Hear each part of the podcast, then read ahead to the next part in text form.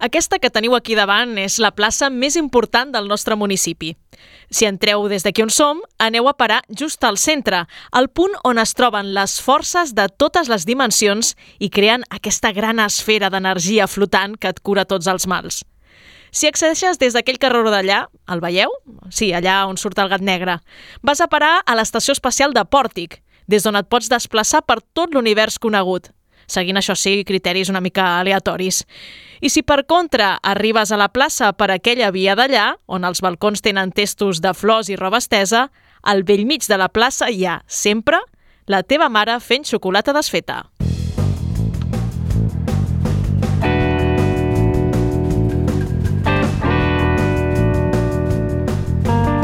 Quimèric, amb Karen Madrid.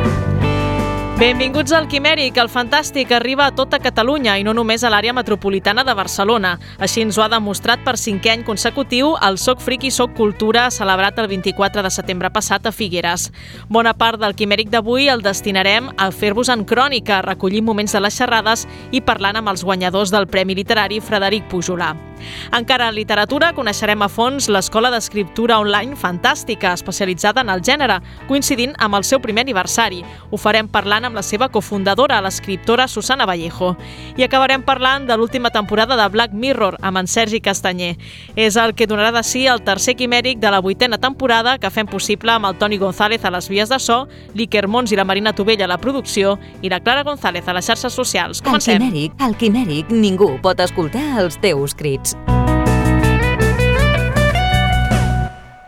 La crònica del fantàstic.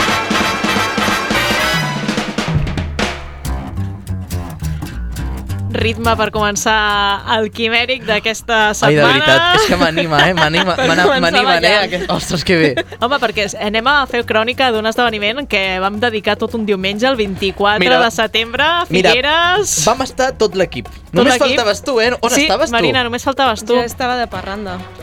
Fins i tot hi havia Banda. la Clara, hi havia l'Alfons, o sigui, imagina't sí, que ja no és ben bé de l'equip, però allà estava, estàvem tots en aquesta cita. No, no, no. Vàries persones vam compartir cotxe, no, no, no, va, va ser una tot, odissea. Tot meravellós. Cinquena edició del Soc Friqui Soc Cultura i com nosaltres, molta gent d'arreu de, de Catalunya es va desplaçar fins a Figueres per anar a aquest certamen que pretén unir les aficions més alternatives amb la literatura i també altres propostes culturals com la dansa. Mm -hmm, que realment exactament. és una mica, una mica de tot. I sobretot amb la idea principal de que de ser solidaris. Eh, exacte. Perquè recordem que sí. el Soc Friqui Soc Cultura, l'entrada és o la voluntat o menjar. Es veu que normalment la gent donava més menjar, però en ser diumenge... Mm, Ai, mm, vaya, por Dios. Què vol dir menjar? Menjar, doncs, enjaunat, un quilo d'arròs, arròs, vale. pasta... Menjar. Sí. Pensava Aliments. Plan, jo he portat una, una ensaïmada. no, no, no. No, a veure, aquesta edició ha sigut la més gran que hem vist. Sí. I, de fet, una tant en nombre d'expositors sí. com també d'assistents. El seu organitzador, el Carlos Acedo, en va fer un balanç així de bo. Una mica emocionant, no, molt emocionant perquè l'any passat eh, recordeu que estaven entre 20 24 estants, aquest any són 70 estants, eh, s'han triplicat, la, hem triplicat l'assistència, puc dir que varen fer una previsió de 1.000 pulseres per als assistents i fa 4 hores que s'han acabat les 1.000 pulseres. Això vol dir que estem en un número indeterminat per damunt de 1.000 persones que han passat per el Sofriqui i Socultura, el que vol dir que, que creiem que ara sí que l'event està consolidat, que la gent té ganes de fer aquest híbrid de, de lúdic i cultural i bueno, no, no, no tinc més que paraules d'agraïment. I també solidari. I també solidari. La, eh, recordo que per entrar al Sofric i Socultura s'ha de fer una donació d'aliments o si, i si no portes aliments pots fer en metàl·lic en la guardiola. He de dir que aquest any es veu menys menjar a l'entrada perquè la guardiola ha explotat. Es... També, la voluntat també és una, una forma de, de solidaritat. Bueno, penseu que som a diumenge, tots els comerços estan tancats, a la gent l'ha costat una mica portar menjar, però en contrapartida han sigut molt generosos amb, a la guardiola i nosaltres amb això estem més que satisfets.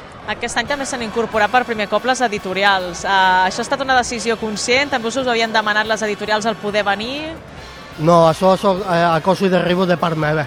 M'he trucant any darrere any que veniu, que, que els friquis també poden ser cultura, que us convencerem i de la mateixa manera que, que amb insistència i intentant explicar bé les coses, al final crec que ho han entès. Eh, hem tingut tres o quatre editorials, creient que s'ho han passat bé, que no puc parlar si han tingut bones ventes, això ja no, ja no puc dir, espero que sí, perquè tornin l'any que ve, però les sensacions són molt bones. Mira, perquè et facis una idea sobre ventes, una de les editorials m'ha confessat que una noia se'ls ha apropat i ha comprat directament set llibres. Doncs a aquesta noia la farem un monument. Primer, per, primer perquè es quedarà sense calés i segon perquè no tindrà temps per llegir-s'ho. Bueno, això que li diguin a la Karen. Sí, això em sona, això em sona. Bueno, això de la pila de... La pila de pendents fa la por, pila fa de pendents ja eh, comença a ser un petit mostre, sí, no? Sí, sí, sí, és una columna romana. Sí, sí. Escolta, Carlos, i de cara a l'any que ve, què? Voleu seguir creixent o quedar-nos com estem ara doncs ja és la fita? Eh, ho hem de rumiar. Hem de rumiar. Penso que el so friki, so cultura és molt a base de voluntariat. Eh, són un número finit de persones voluntàries i, i hem de rumiar molt bé si, si podem assumir més treball o, o no. Això en els propers mesos, quan fem la valoració, mirem si podem encara créixer més o ho deixem en aquest format. El tret de sortida d'aquesta jornada del Soc Friki Soc Cultura el va donar una xerrada de Marvel versus DC, amb els oh. companys de la Batcova defensant DC i els del Far Freak i el director frustrat defensant Marvel. La pregunta és, va haver sang? No, perquè són molt amics entre ells Oi, i això es que... nota. Però jo Oi, reivindico, i ho he de dir, ja ho he dit a dins a, a, l'esdeveniment, als companys de la taula, vale. no hi ha igualtat. Si són dos, defen sí, són dos defensant DC vale. i són 500 defensant Marvel. Però o sigui, això també parla Coincide, molt, no, de DC? No sé, tio, no sé, perquè a mi... Mira, no... jo, jo ja ho sap, que els companys de la Batcova... No, jo no estic en cap dels dos, ja ho sabeu, però... No, jo ara trenco una, una llança. Vinga. Els companys de la Batcova, la pròxima xerrada que feu de DC contra Marvel, Aquí tenéis a un caballero estan oscuro. Estan on tour, eh? Estan on tour, que van sí? anar a Palamós la setmana passada i crec que s'estan Do... muntant alguna cosa més Do... en aquesta línia. Doncs aquí estic, que... jo sóc un gran amant del, de Batman i a mi Marvel me puede comer... a veure, jo he de dir que per equilibrar una mica la balança, i ho, uh -huh. ho dic perquè no se m'enfadi ningú, Va. Eh, no he posat talls de tots els que van parlar de Marvel, he triat algunes declaracions i a més he deixat que ben, els companys ben de la Batcova triessin la música del muntatge oh. i així equilibrem una mica perquè si ben, no està com el feo, no? Va, anem a escoltar els arguments que tenen uns i altres per defensar Marvel i DC. Marvel sempre ha tractat més els personatges més, més humanament, més terrenalment, per dir-ho d'una manera, amb els seus problemes, amb les seves gràcies i preocupacions i, i el fet de, de DC de, de començar doncs, amb un personatge que ve de, de l'espai exterior, alienígena, d'un multimilionari, sempre els ha tractat més com a, com a éssers superiors o com a déus. Bé, depèn molt de com tu t'acostis als personatges. Uh, en el meu cas, jo em vaig acostar a DC buscant un refugi de fantasia. I en aquí, doncs, uh, a mi m'atreia més al veure aquelles figures gairebé divines, amb poders, que podien arreglar el món i eh, t'abadies de les misèries del dia a dia. Marvel sempre ha sigut una cosa potser més, més entretinguda, més, eh, no diria juvenil, però sí més lluminosa, per dir-ho així, i DC sempre ha tirat més cap a un costat una mica més fos, més transcendental. A DC teníem uh, aquests personatges al 38, on començàvem amb Superman, però tot i ser un alienígen segurament era més humà que molts dels personatges que, que trobem a d'altres editorials o d'altres còmics. Bueno, això que més humà, parlem, no? Ja. És, el, és el punt més, més, uh, més característic de Superman, el, el, el somni americà, el, uh, vull dir, el que és Superman és el que, el que més uh, diferent, bueno, diferència, el que més el caracteritza. Una de les coses que potser de Superman no m'ha tret tot i que, esclar, quan parles d'un personatge de còmic superheroi, eh, ve al cap ràpidament ve Superman, suposo, un dels primers que ve, llavors pot venir Spider-Man, no? Però, clar, jo per mi, un dels defectes que li veig és que no té cap debilitat. A part de la kriptonita, no té una debilitat, no té un punt feble. I ja, ja és, és una de les mancances que li veig, un, de, un dels errors.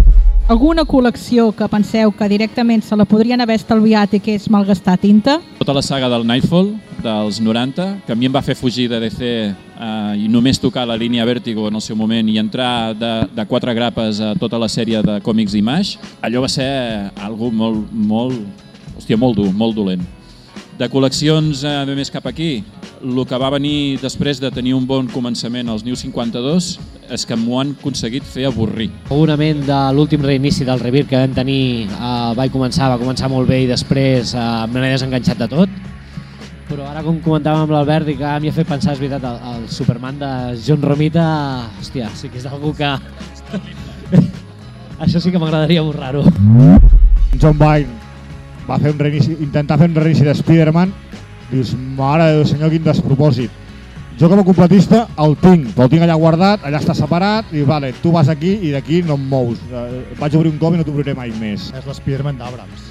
O sigui, allò eh, va ser agafar un nom conegut, eh, agafar el fill d'aquesta persona coneguda i dir-li, mira, podem fer un còmic i, a veure, jo ho vaig acabar per afany completista, però és que o sigui, no s'aguanta per enlloc. Portem molta estona parlant de senyors i tant Marvel com DC també tenen senyores, superheroïnes. Amb quina us quedaríeu? Per què? Quina eliminaríeu? Què, com veieu el panorama de personatges femenins? Han sigut ignorades, diguéssim, no? I sembla que s'ha creat la contrapartida femenina d'un personatge era per mantenir els drets i el nom d'aquell personatge. Perquè si es va crear una Spider-Woman va ser ep, que ningú ens agafi aquest nom i ara vulguin crear un personatge o la competència ho vulgui crear. Llavors sí que amb, el temps i el temps actual cada cop més s'ha anat, anat normalitzant i tenim superheroïnes. Jo sempre dic que sóc un gran defensor de la Capitana Marvel i més ara, més, més ara que la tenim en, en cinema. Eh, és com l'objecte de desig de, de tots eh, i és com si se l'estiguessin gairebé rifant a veure qui aconseguirà lligar amb ella. I el seu paper sí que a poc a poc després va millorant, però al principi eh, és molt de, de, de d'un objecte, vull dir, és, és el que hi ha. Això va passar a tot arreu, amb la majoria de col·leccions, fins que a poc a poc eh, tant DC com Marvel s'adonen que s'han de crear personatges femenins poderosos i, i ho van fent. I ara estem vivint una molt bona època, però també hem d'acceptar d'on veníem. Quan l'autor original va deixar Wonder Woman, Wonder Woman va passar a ser la camarera o la secretària de la Lliga de la Justícia que els esperava quan els altres anaven a salvar el món. Uh, més cap aquí, post-crisis, que ha sigut un dels esdeveniments, un punt d'inflexió a la col·lecció, vam tenir que es, es va unificar les Supergirls d'altres mons, va passar a ser la Power Girl. La Power Girl dels anys 90 és un clar cas de sexualització molt exasperant. I ara ens trobem amb uns personatges, com ha dit en Dani, que eh, gràcies als reinicis el seu punt de partida ja és molt més ajustat a lo que és la societat. No?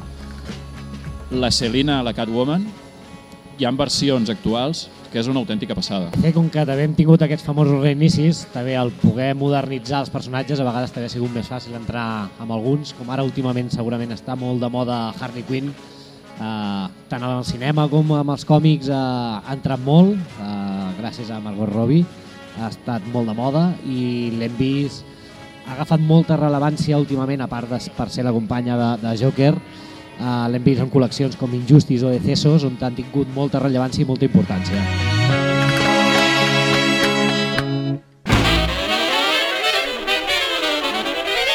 I al migdia va ser el moment d'unir Star Trek i Star Wars en el vermut galàctic, a càrrec del Cux Galàctic, acompanyat de bons trequis, demostrant que falta poc per crear noves amistats, un vermut, eh?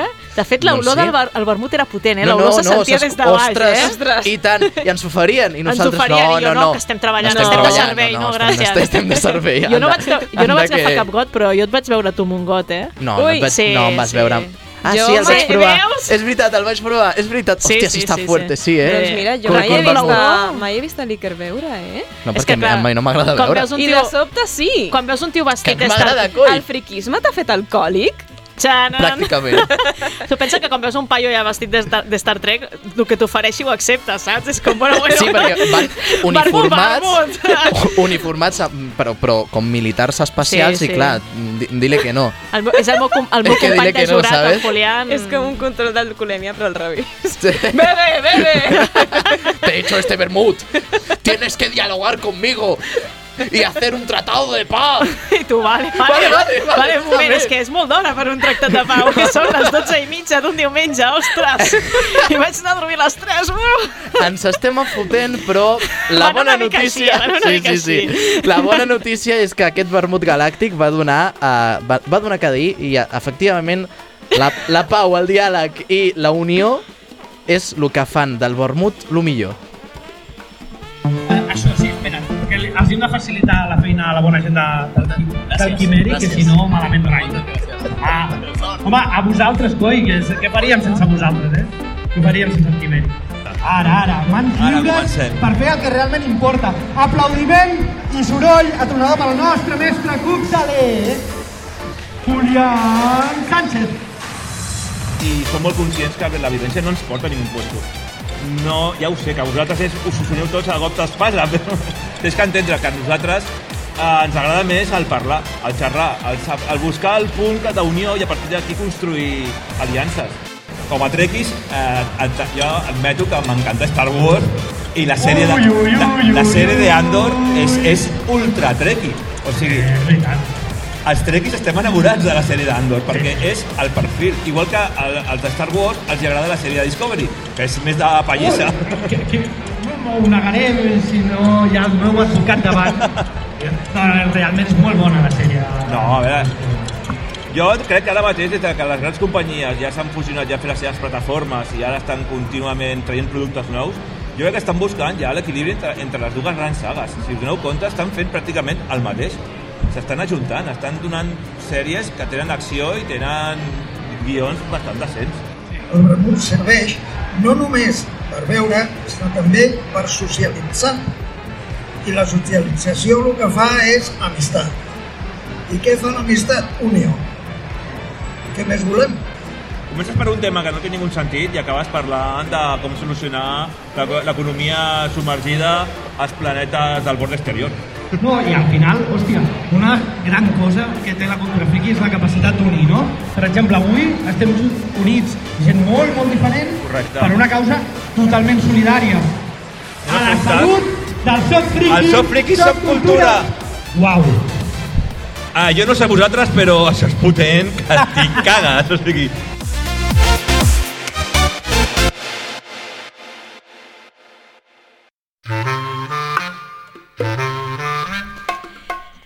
I el Soc Friki Soc Cultura també va acollir l'entrega dels premis del concurs de relats Frederic Pujolà. En aquesta ocasió s'hi van presentar 71 relats de temàtiques molt diferents.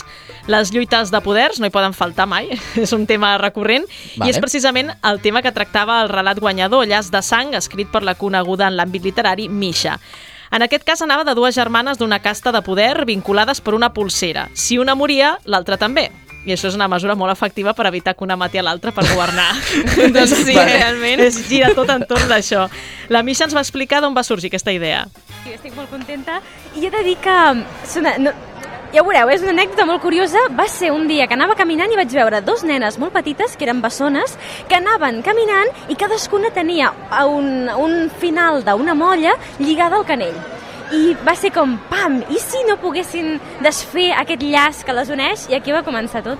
Clar, al final, eh, el tema d'estar vinculades ha portat molts problemes no? a- les monarquies, a, en els governs. Suposo que també volies fer un... Anem a anar un pas més enllà i anem a crear una, una manera perquè deixin d'estar-ho, no? Exacte, què passaria si eliminar tota la resta de- d'hereus al tron no fos tan fàcil, no funcionés així.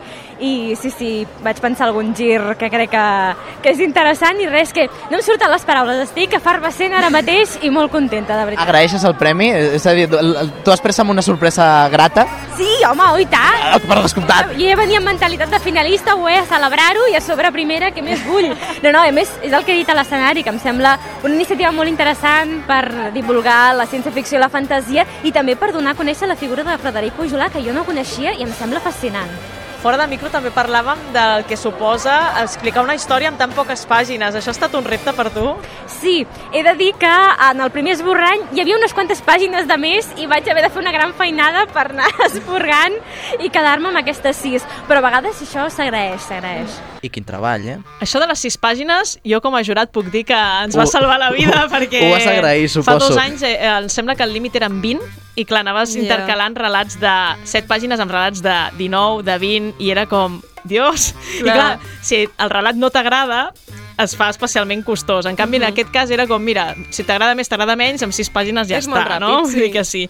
Llavors també va haver alguns relats um, de temes que he de destacar perquè jo tinc la teoria que quan en un premi literari es comencen a tractar diferents temes vol dir que allò ja està en la nube social, està ja al En rum-rum. l'imaginari col·lectiu. Exacte. I uh, ha passat que hi han 3, 4 relats d'intel·ligències artificials. Cago en la leche, no es van I, a comer. I tots són molt diferents, tots enfocats de diferents maneres, però pensava, això ja comença a fer por perquè si en un relat de Exacte. gènere fantàstic estan traient aquest tema, vol dir que la gent s'està preocupant. Mhm. Llavors, el tercer guanyador uh, del concurs va ser un relat que anava d'això, que es deia Cirano 2.0, del Marc Arencon, que tracta de dues intel·ligències artificials que s'enamoren sense saber que respectivament són intel·ligències artificials.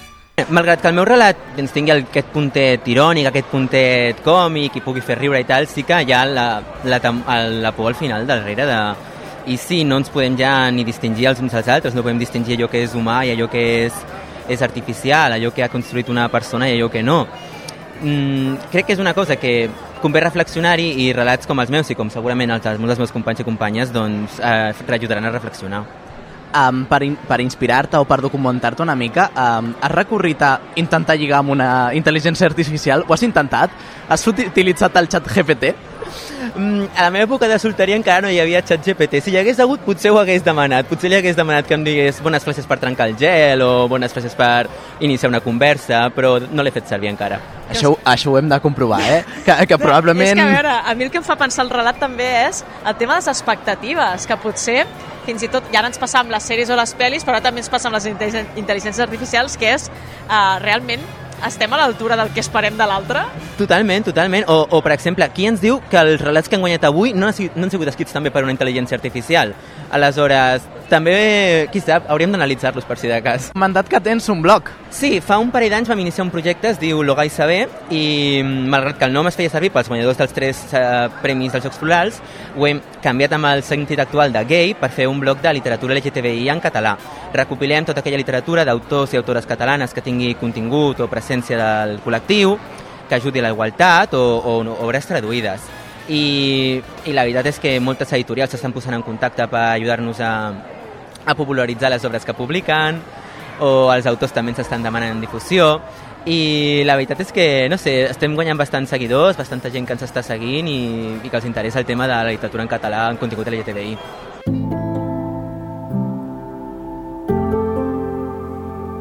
L'entrevista. A les vuit temporades de Quimèric hem anat comprovant com ha crescut l'interès cap al fantàstic. Han nascut més editorials, s'està publicant moltíssim i els lectors estan més que entregats. Però aquest fenomen també ha anat de la mà d'un altre, que és que les persones que sempre han volgut escriure ara s'hi estan atrevint més i estan buscant un suport i un acompanyament per poder-ho fer. En aquest context fa just un any que va néixer la primera escola d'escriptura online especialitzada en literatura, literatura de gènere, fantàstica.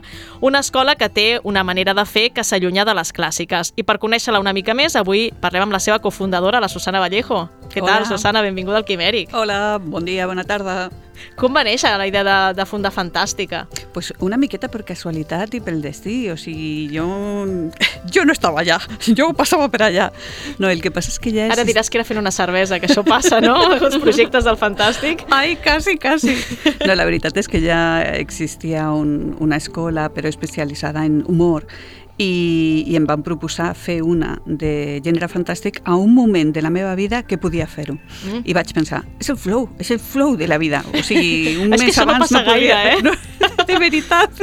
Va, va ser així. I després vaig, vaig pensar, a més a més, que jo quan era joveneta que mm, necessitava una escola com aquesta, que he, he après moltes coses a, a, a tortazos i, i la veritat és que, és que va dir, no, vaig dir sí, perquè eh, m'agradaria fer alguna cosa per la gent jove que comença que no tingui que mm, viure el que jo he viscut. I De, de fet, una això. pregunta més endavant cap a l'entrevista, si és justament el que, el que faltava, no? Perquè molts, eh, és el que deies, no? Teniu una llarga trajectòria com a escriptors, però que heu anat aprenent també de l'ensaio-error, no? Efectivament, perquè la veritat és que sí que hi ha filologies i coses d'aquestes, però tampoc hi ha estudis literaris eh, a- abans sí que hi havia alguna coseta, però no hi ha, si vols ser escriptor, què estudies? Mm. Has de Clar. llegir, òbviament, Mhm. però què, què estudies? Què fas? Mhm. I, a més a més, si, si necessites coneixements molt concrets, aleshores, per això està fantàstica. Dius que et van proposar fer-la especialitzada en gènere fantàstic. Qui t'ho va proposar, per què, per què ho va fer ara? O sigui, és perquè ara és menys arriscat eh, que fa uns anys o, o no? Per amor! no, és de veritat, perquè l'altre soci és, és, és molt aficionat al fantàstic i és soci també de l'altra escola d'humor i, i ell estava a l'altra eh, escola pensant jo vull fer una cosa com aquesta, però de- del que de veritat m'agrada, que és eh, la fantasia, la ciència-ficció i el terror. Aleshores va buscar i ahí està. I el ja hi era, no? Home, i tant. Deies que tenir un acompanyament ajuda, però és imprescindible per posar-se a escriure o no? Jo crec que no. No és realment, o sigui, mireu, tinc una escola, hauria de dir sí, sí, sí, Hombre, por que favor, a mi escuela a aprender. Però la veritat és que no, si tu eh, llegeixes amb molt, mm, molt detall, amb, amb amor, amb, eh, fixant si, si et fixes de veritat en el que estàs llegint i en la gent que de veritat t'agrada, el, els escriptors grans de veritat, els importants, eh, no cal. El que passa és que, clar, t'estalvies molt de temps. És Mhm. això? Clar. Quant temps eh, trigues en escriure eh, com cal? Bé de veritat. Clar, no sé si això també pot passar que la gent comenci a escriure i després, quan ja estan a cert procés de l'escriptura, diguin, val, ara sí que necessito ajuda perquè aquí m'he encallat. Bueno, de fet, jo crec que el perfil del nostre alumnat és més bé així. Són escriptors que ja han fet alguna coseta i que se n'adonen de que ara necessiten millorar això. Ara Mhm. és el moment de eh, està bé això de veritat o, o no? Vaig pel bon camí o no? I de, llavors per què animaries a la gent a apuntar-se a una escola d'escriptura? per això, per millorar, per estalviar temps i per, mm, per gaudir, sobretot per gaudir, perquè hi ha una cosa molt filosòfica que hi ha darrere també de tot això, que és per què escrius? A tu t'agrada escriure? Ara Mhm. et pregunto jo. per què s'han canviat els rols? Ah, ah, ah, com jo perquè de- gaudeixo de fer-ho. Clar, és que aquesta és la, la, la única resposta. Hi ha gent que li agrada ser escriptor, o la fama, o els diners, que és absurd. Mhm. No, és només el, el gaudir del que fas, del que penses, de millorar, de veure un test teu que ho has fet i al dia següent ho has arreglat i encara és millor. A- Aquesta sensació i després ja quan has, quan has terminat ja és, ja és la bomba. és una passada. Però, però és l'únic sentit de tot, per Mhm. gaudir. Jo volia aprofitar que heu tret aquest tema per recopilar opinions de- d'alumnes de, de Fantàstica que eren presents a, a la Hispacón i van poder explicar una mica la seva experiència i crec que serà molt il·lustrador sentir-los. Me llamo Daniel Badosa Moriyama, tengo 34 años, vivo en Madrid y nada, llevo escribiendo también desde hace muchos años, intentando vivir de ello y bueno, la pregunta es ¿por qué escribo? No? Eh, para mí es una necesidad vital, eh, pienso que los seres humanos somos mm, seres que viven por las historias y gracias a las historias. Entonces para mí casi es eso, una necesidad vital. Sin escribir no me sentiría, no me sentiría vivo, ¿no? Por así decirlo. Entonces, bueno, así de fácil, así de complicado. Yo soy Virginia Oribe de la Rosa. A ver, ¿que ¿por qué escribo? Pues porque soy más feliz cuando escribo. Eh, una época de mi vida en la que dejé de escribir, pues lo típico, ¿no? Pues tú escribes cuando no tienes tantas responsabilidades, luego empiezas a trabajar, a no sé qué, a no sé cuántos, cada vez tienes menos tiempo y como, va, solo es un hobby, pues eh, lo dejas, ¿no? Y tenía tantas, o sea, tengo tantas historias en la cabeza, tantas cosas todo el tiempo, que notaba que era más y más infeliz a cada, cada año que pasaba. Y por casualidades de la vida, con unos amigos, empecé a escribir otra vez y dije, uff, esto era lo que me hacía falta. Yo soy Neus Martín de Vidales y vivo en Valencia. Eh, soy psicóloga especializada en psicoanálisis y también como la compañera, pues igual la única cosa en mi vida que siempre me ha acompañado en plan constante ha sido escribir. nunca me lo he tomado en serio, que para mí eso es darme tiempo para hacerlo. La vida se, se abalanza y empiezan a pasar cosas y te das cuenta de que es una necesidad cuando... Es una cosa que has dicho tú esta mañana, Susana, en, en tu presentación, que has dicho que es refugio. Y me llegó a la vez en un momento muy complejo de mi vida, siempre pensando en clave de literatura en la cabeza, pero un momento muy complejo de mi vida y apareció además fantástica también en ese momento y me di cuenta que en el cuanto menos tiempo tenía y cuanto peor lo tenía fue es que necesito escribir para volver a encontrarme y a ver a partir de ahí qué sale y ya otra historia es tomármelo en serio, dedicarle tiempo y, y- y- y- y que me hace feliz, leche, claro. Me llamo Johan Paz y tengo, él ha dicho no sé cuántos años, yo voy a decir que tengo años, efectivamente. y mm, yo he escrito siempre, desde que era un crío pequeño y escribía mm, obritas de teatro para que hicieran con, con guiñoles allí en la, en la escuela de mi madre y esas cosas. Pero lo cierto es que cuando empecé la carrera, yo soy ingeniero de telecomunicaciones y cuando empecé la carrera eh, lo dejé y no volví a escribir hasta hace como unos 10 años, bueno, casi 20 ya. Y fue con un rollo personal, una crisis y todo ese rollo. Y, hace poco, prácticamente cuando empezó la pandemia, eh, digamos que me he quedado liberado de mi trabajo de ingeniero y estoy escribiendo con más seriedad. Estoy haciendo muchos más cursos y estoy haciendo, intentando mejorar mi estilo y conseguir unos, unos cuentos pues, que gusten. Perquè vegi, Susana, que també fas teràpia per d'ensenyar a escriure, no?, una mica. Bueno, jo això també ho he dit tota la vida. És més barat escriure que un psicòleg. Això és veritat. Ho, diu, ho diuen molts veritat. escriptors, realment. És, és, és veritat. Aquests escriptors que estàvem escoltant, precisament, ara han sortit publicats amb una antologia, El Transbordador. Com ha sigut això? Vull dir, què va ser primer, l'ou o la gallina? Teníeu 25 relats i vau dir El Transbordador, eh? Ens ho publiqueu? O van ser ells que van dir, estic buscant autors, a veure què, què tens tu? També va ser el destí i el flow de la vida. És, és que havien fet un concurs amb la revista Windómanos, Mm. no sé si la coneixeu, i van fer un concurs per publicar un o dos relats. I clar, van arribar els relats, vam llegir això i eren boníssims. Van escollir dos que van sortir al gener de l'any passat a, a la revista Windómanos i la resta és que estaven molt bé.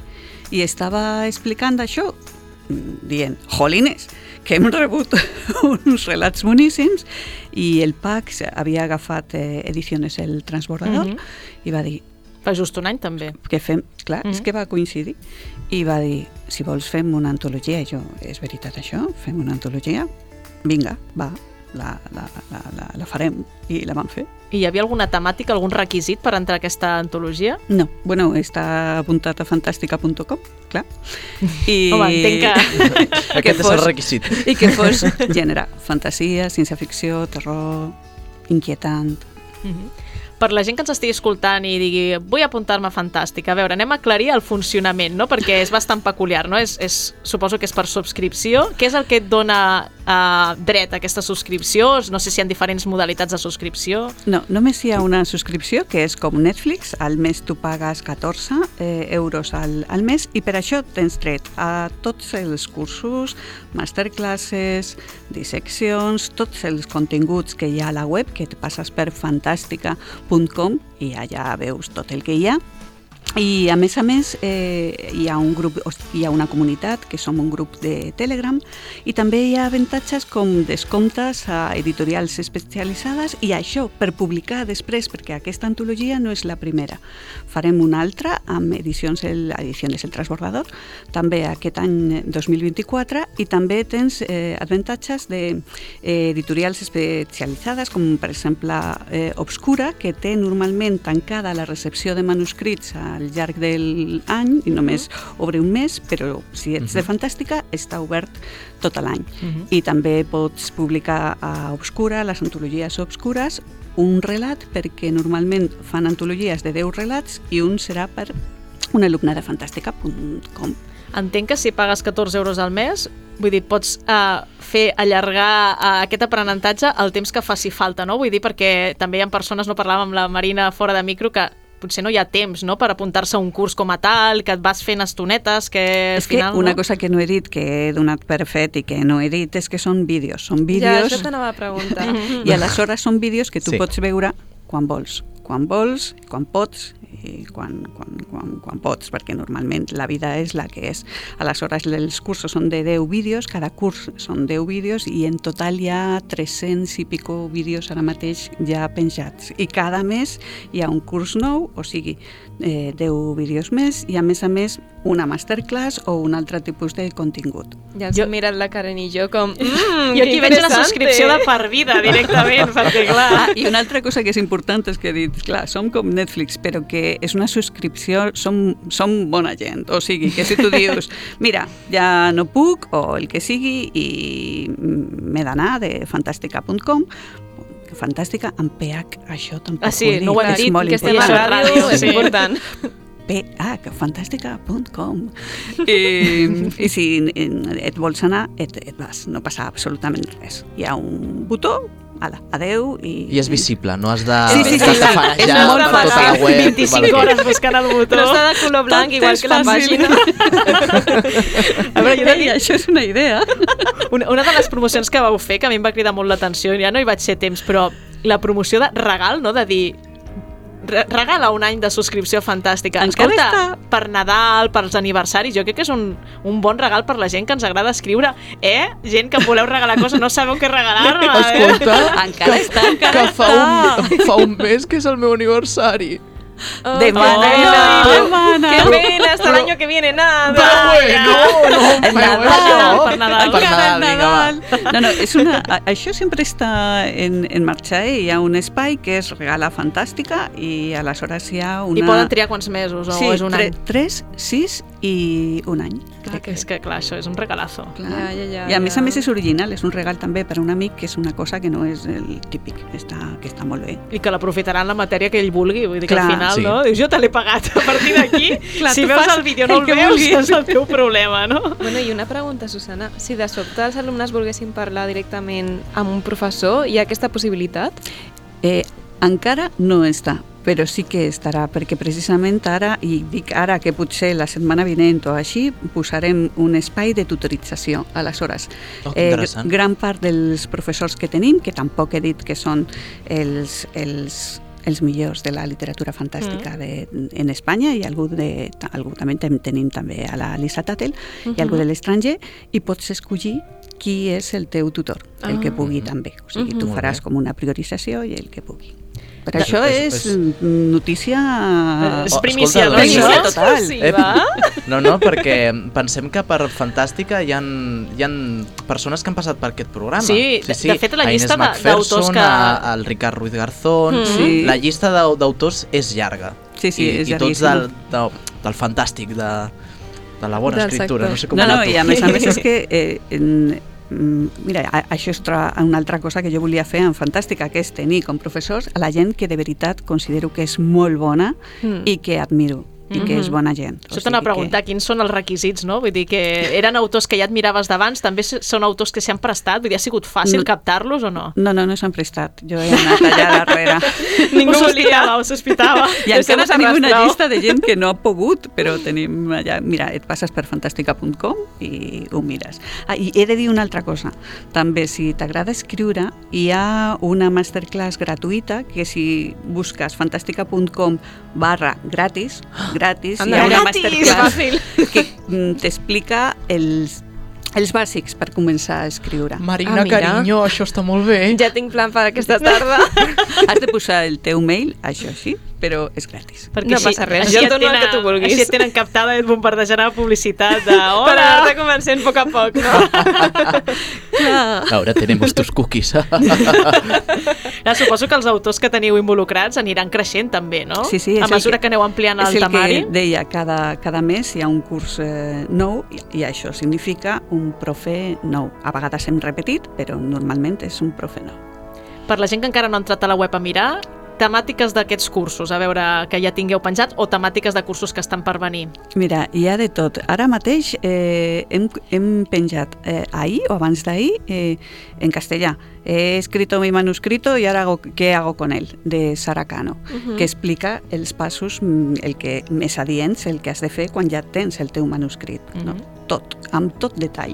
Eh, després hi ha mm, sobre el narrador, eh, el estilo, sobre eh, la estructura, sobre la estructura i hi ha, eh, jo crec que dos cursos o tres que estan superinteressants. Tres cursos que són 10 vídeos per curs, no? Sí. Abans has explicat. Sí, doncs sí. mira, Són és complet. estructura És clàssica, complet. estructures diferents, eh, també eines concretes perquè no et passi això típic del bloqueig de l'escriptor. Eines concretes perquè tu facis la teva estructura i en ningú moment et, et trobis allà "Ah, no sé què fer. O sigui que eh, hi ha de tot. El que passa és que no tinc la llista i ara faré així.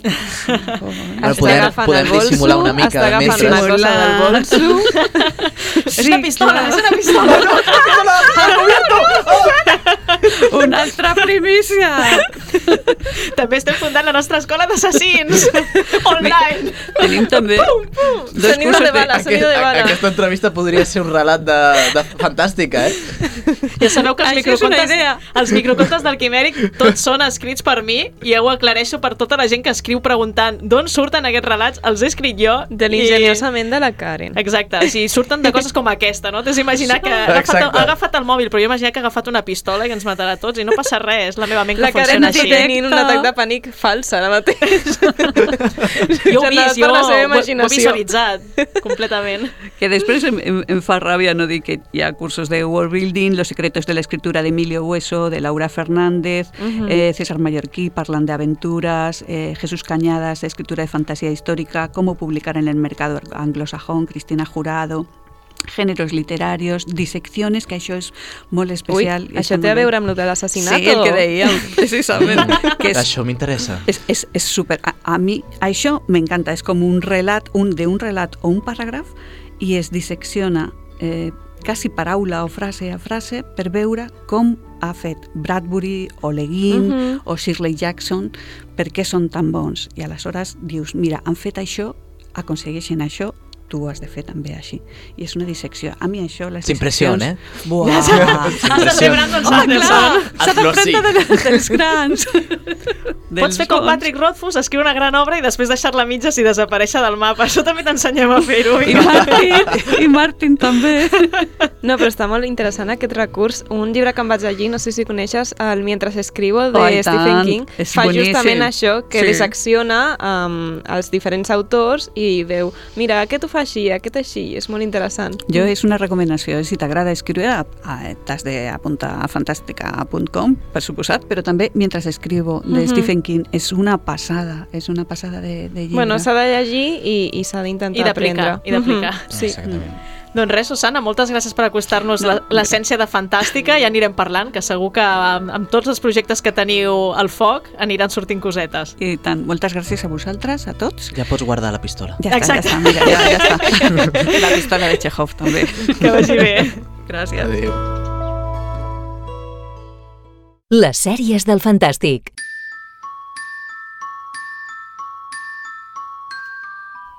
I aparquem la literatura per parlar de sèries amb el Sergi Castanyer. Benvingut, Sergi. Què tal, Karen, com anem? Bé, bé, vas fort, eh, avui. Has triat Black Mirror. Home, jo he dit, anem eh, ja amb l'aposta segura per agradar a l'audiència i a més, quan he vingut aquí a la Per redacció... generar debat, no? Tothom m'es- m'està dient, portes avui Black Mirror? Sí. Oh, Ai, no, Black Mirror, és que Black Mirror. A veure, Black Mirror. Jo és una sèrie que adoro, Sí. però a mi aquesta última temporada, com a conjunt, no m'ha agradat. Ui! Ja és Doncs és la primera persona que conec que li passa això, perquè a, a, normalment a tothom ens ha agradat més aquesta que l'anterior. Bueno, a mi que tampoc m'ha l'anterior era un agradat. Sí, coneixo el teu grup. És que jo sóc de, del me'n Black recordo. Mirror de, de quan Ah, ho sí, feien Miley fora de Cyrus. Netflix, Sí, eh? Clar. Vull dir, quan, quan hi havia White Bueno, Christmas... estava bé. Eh, Iker, s'està sentint tot. Ja, No, és ja, que ja ha ho sé. oblidat Eh, que estem és a que, ràdio. eh, Ah, volia és fer que- un altre con un concepte de, de secció i de ràdio, de mantindre dues eh, No, conversacions això- alhora. No, jo crec que el format no. Ara no és el moment. Que no s'entengui res. Ara no és el moment. Que vol ser Charlie Brooker, vol ser aquí un innovador del periodisme i... Aquí estem. La met- Ah, la innovar. la Va, metamerda avui no. Avui no. Avui no. Va, vinga, a veure, el lío. Jo ja m'he posicionat, jo ja... Black Mirror, que, o sigui, la Karen no és de les que li ha agradat aquest concepte nou de Red Mirror. És que això del... A veure, Ens ho hauràs d'explicar. jo tot el que Va. sigui retro ja li tinc tírria, ja partim d'aquesta base. Molt malament. Anys 80 els podem eliminar de la història. Hola, com Fora, se passa? adiós. Ja està, Ostres. sobrevaloradíssim. Bueno, Black Mirror, per, per la gent que, que no sàpiga què és, és una sèrie que va néixer al Channel 4 a, a UK i després Quan es feien va, les coses bé. Quan feien... Eren molt túrbies, eh? eren sèries que, Sí. sí. o sigui, de ciència-ficció que tenien a veure amb la tecnologia. Eh, Que, que tot, tot el rerefons era tecnologia que estava o molt a prop o que podia estar... Exacte, fer aquesta Sí. reflexió de què passaria si agafem pronto dice aquesta la peor cosa de tecnologia la i... història. Venga! Sí. Doncs el, Per fer crítica. M'encanta. El Red Mirror, que ha, ha sigut ara la... Perquè quan començava el capítol posava Red Mirror. Ah. I clar, deien, què és això de Red Mirror? I el, i el Charlie Brooker deien que era com la espècie de, eh, de, de no justificar-se sempre amb la tecnologia, sinó que podia ser ciència ficció, podia ser terror, podia ser un thriller, però Ja. que no tingués aquest eh, consens de tecnologia, de anem a reflexionar sobre això, Vale. sinó de anem a fer com si fos The Twilight Zone, però versió 2023. Mm -hmm. És que a mi això és el que em falta. O sigui, Black Mirror, per mi, l'essència és anem a debatre sobre els riscos de la tecnologia. I et poses als anys 80 i de cop dius, val, em sembla bé perquè està ben feta, Mhm. però em recorda més a altres sèries estil Slasher, per exemple. Sí, també. Um, vull dir, O- em, em remet a altres sèries. Per mi no és Black Mirror. Oh. No, jo, jo Que penso igual. fuerte. Sí, de fet, crec que el primer capítol, Sí, anem a començar pel primer capítol. Joan Que Awful, per mi sí que és Black Mirror. és que John is Soulful, que és la... Bueno, és... és o sigui, la- l'argument, perquè són eh, capítols autoconclusius per la gent que no hagi vist Black Mirror i ja avi- avisen que, que podeu veure el primer, Exacte. després el quart, després el segon i tal. Mhm. Doncs és, eh, parla d'una dona que eh, es, es sorprèn en descobrir que la plataforma, una plataforma de transmissió global ha llançat una adaptació de televisió de la seva vida de prestigi en la qual és interpretada per la Salma Hayek. I clar, sobre el paper dius, ostres, que guai, no? Però... Sí, sí, que guai fins que ets tu, saps? El protagonista de la història. Clar, i, I per lo que sigui, doncs ja ens podem imaginar lo awful que pot ser una persona en la seva vida. Exacte. Perquè, els clar, secrets, no? A més, és allò de tots els secrets es reflexen i, clar, l'afectada es veu amb el company i diu, escolta, que m'estàs ficant les banyes aquí directament i, i Bueno. m'ho veig aquí... O les converses amb companys de feina rajant Clar. un de l'altre, no? Que si passés Clar, això clar, aquí... clar. Uh! Clar, clar, és que... Seria jo que... molt awful, eh, realment. Sí, sí, al final és tota la teva vida Mhm. totalment pública. Qui I, voldria I pràcticament això, a l'instant, eh? Vull dir, no és una retrospectiva de quan tu eres adolescent i les cagades que vas fer, no, no, el que vas fer ahir, o sigui, és molt heavy, eh, realment. Sí, sí, I a més, és, a més això que se'n fot de la, de la mateixa plataforma Netflix, perquè Clar. a més és la, el, el com s'ha de seleccionar els capítols, Sí. tota la pu- Això sí que és la propaganda metamerda. igual. A, a, això és molt metamerda. Sí, totalment. Sí, sí, perquè el mateix soroll, més o menys el mateix estil d'iniciar les sèries, no? A, a, Sí, sí. A, amb Sí, l'aquell, a, logo. aquella, aquell logo, exacte, és, és tot Netflix. A vosaltres us ha agradat aquest? A mi sí. m'ha agradat. A mi sí, a mi m'ha agradat. Discutíem A mi amb sí l'Alfons agradat. sobre el final d'aquest capítol. No, jo crec que està bé. Per mi també. Per, per ser Netflix, eh, ai, ai, per ser Black Mirror... Eh, Per ser Netflix. Per ser, i per ser Així Netflix també. Sí. ho- horrible, no? És que me'n recordo, recordo de l'escena de l'església. Ah, aquesta és molt Oh, bona, bueníssima, Sí. que escena, que escena. Que pobre ah, Salma mira, eh? eh, Aquí ha, Black Mirror. ha sigut fina, sí, sí. Madre mía, vaya escena. A veure, segon capítol. Bueno, anem amb Locke Henry, Locke que per Henry. mi és el meu favorit de tota la, de totes les cinc, que és d'una parella jove que viatja a una ciutat escocesa, on és el noi, i volen fer un documental doncs, molt light de, de la ciutat escocesa. Mhm. Però troben allò, això que fa el Carles Porta, Crims, que Sí. troben un crim i diu, Ahà. no Anem a s'ha a resolt, foscor." anem a fer un del cuerpo en llamas. I el que semblava una molt bona idea Va resultar que no. amb una cosa que, que li, li afecta al propi creador. Ah. I fins aquí puedo leer. A mi és un capítol que m'agrada molt com a pel·lícula de terror. És que Sí. és boníssim. Sí, és veus, ara passarà amb cada un dels capítols, que m'agraden molt per separar, però per mi no són Black Mirror.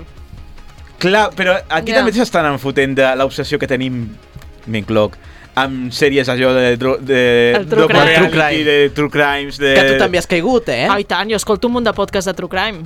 Moltíssims. I, I clar, és allò de, de dir de fins a quin punt és bo investigar fins al final, fins a les últimes conseqüències. Mentre no hi siguis tu pel mig, estupendo. Clar, Aquest clar, li va sortir res. Exactament, que, que això també es reflexiona. I, Clar. clar, I com d'una cosa pot tenir èxit o no, i, i aquest èxit si és benvingut o no, també. Clar, al final també juga amb aquest tema que està tan actual avui en dia, que són els true crimes. I cada cop més aficionats, eh? Sí. Anem a Beyond the Sea. Oh, mira, que a més ens han posat aquí la, la supermúsica, que és en una alternativa del 1969, dos homes, el Aaron Paul i el Josh Harnett, treballant en una missió, missió perillosa d'alta tecnologi tecnologia a la Lluna. I es veuen afectats per les conseqüències d'una tragèdia, tragèdia inimaginable que encara que afecti inicialment a un d'ells, a l'altre li afectarà. Mm -hmm. Que, a, a més, o sigui, clar, és una tecnologia no com que ells estan a la Lluna, però tenen una espècie com de dobles al qual es connecten per tenir una vida de desconnectar. És una idea curiosa, eh, realment, aquest capítol. A mi m'agrada, però hi ha una cosa que em grinyola, que és, ho estàs ambientant a un d'això retro i aquesta Sí. tecnologia és, no la tens ni ara, saps? Clar, és que ara això, no- Això ja és directament una, una distopia, vull dir, ja... Sí. Una, una vida paral·lela o... Pues sí. Però clar, també juguen una miqueta no, amb allò de- d'aquesta gent quan surt de... Què, què és el seu dia a dia? Estan tot el dia allà o no? O, o, en aquestes teories conspiratives que diuen no, lo No, que no estuvieron en la luna, Exactament, és mentira, Diu, era un és- plató. Exactament, doncs en això també fan com una espècie com de reflexió molt particular i Vale. que poden fer això, saps? De, de dir, i si hi ha tecnologia que ara ens sembla superguai i que ja la tenien Home, però, és, però és molt pràctica aquesta tecnologia, Jo sí. perquè envies el clon... No, no, no, el, el problema és Clar. que allà envien el de veritat i el Sí. clon està aquí baix. I Exacte. aquest és el, el, a mi és el que em grinyola del No, capítol, això jo perquè no- la lògica seria envia de el clon i ja, ja Claro, està. si se muere el clon, pues, se ha és muerto. igual, ja està, tio, envies un altre. I a més una de les coses que a mi em van grinyolar és que aquí només hi ha una còpia del clon. O sigui, que si es fa malbé... És que veus, no, no és, no Ah, és, és un capítol ves, que és claro. interessant, Eh, és però falla la base, és que un és per capítol què no que envies el clon i ja està i t'estalvies fe. tot. Aquest Vaja. capítol has de fer un acte de fe, si no, no s'aguanta per enlloc. De fet, No, el, no. de fet, el clon té més possi possibilitats de morir-se a la Terra que no passar a l'espai. Sí, sí. És el capítol ho veritat, és veritat, és que no té sentit. Bueno, un mal capítol per mi. Sí, a mi... Eh, aquest és La sentència. Aquest és els decepcionants, és veritat. Anem al següent. És el de...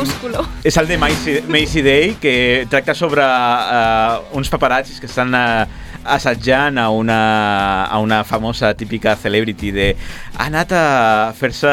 Les ungles. No, Vamos a fer-se les ungles, no, a desintoxicar-se de la droga. Llavors Ah, estupendo. volen la foto allà d'ella de, d'ella entrant a la centre de rehabilitació. Però aquest eh, capítol li han donat molta canya perquè deien que és veritat que aquest és el que menys tecnologia té, perquè directament Sí. no té cap No. tecnologia, i a més que parla d'una cosa que és la licantropia, que crec que mai havien tocat a Black Mirror. Crec que acabes de fer un spoiler, però... És un... Sí. No, si no expliques res més.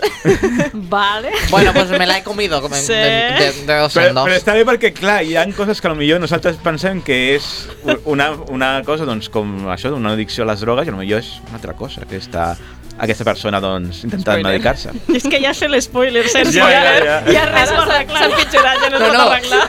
Ja no et miraré Però no els mateixos. no està muerto. Suéltame. Però realment, com a Black Mirror, de què, saps? Clar, sigui, com a Black Mirror jo no té- amb el meu argument, que és que això Sí. no és Black No, Mirror. aquest sí és veritat que empitjora. És que cada capítol per mi empitjorava i bueno, crec que aquest és l'últim que vaig veure. Ja vaig dir, eh, da igual. Pues solo quedaba uno, O sigui, no, no, no has vist Demon 79? No, crec que no l'he vist. Doncs anem a veure... Anem a Demon 79. Que aquí...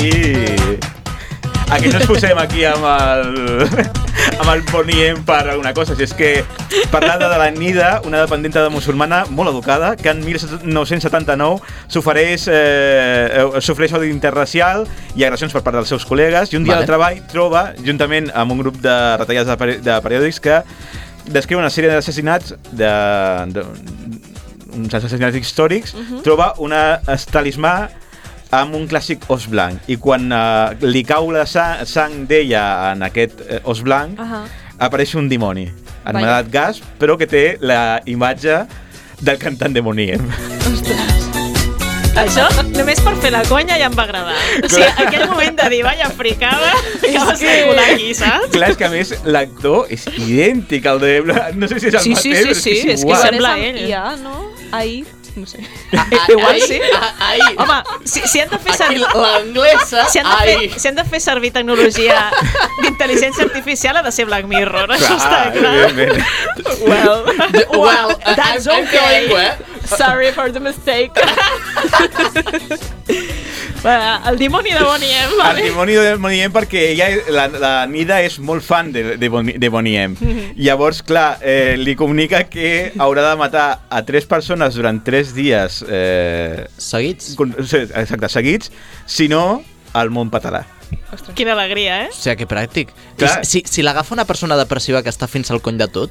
Clar, és que ella està molt Clar, depressiva i per això pel cul ell tot, ja, saps? És- és rotllo, ¿Por qué te den por culo, demonio? Cárgate el mundo si quieres, déjame en paz. És el que faria Ella en jo ara plan, mateix. només tres. només, només tres? Hi ha el botó per accelerar. Pum. A més, aquest, aquest eh, capítol està situat això en els 80 i parla molt de la, de la tensió nuc nuclear de l'època i és clar, o sigui, és una cosa que dius no, és que eh, es parla en tot arreu de la guerra nuclear que pot, hi haver, És veritat. que pot Sí. haver. Mhm. Llavors és una, una cosa com molt real, perquè potser aquí ens ve, jo que sé, Lady Gaga i ens diu o, o et carrega de tres persones o encarrego el món i diu, pues vale. Pues vale. Te propongo un trato. Me cargo esas tres personas, pero a cambio me dejas pulsar el botón. doncs amb aquesta reflexió hem d'acabar perquè se'ns acaba el temps. Gràcies, Sergi, per acostar-nos a aquesta nova secció de sèries i ens retrobem després de Sitges. Sí, Estàs jo, a punt ja, no? jo ja tinc la maleta ja preparada que me vaig ja. Doncs vinga, som-hi.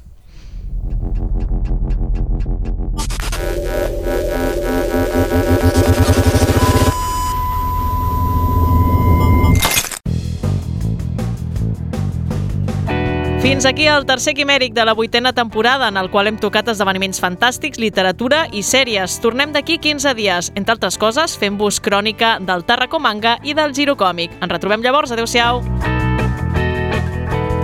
Quimèric, amb Karen Madrid.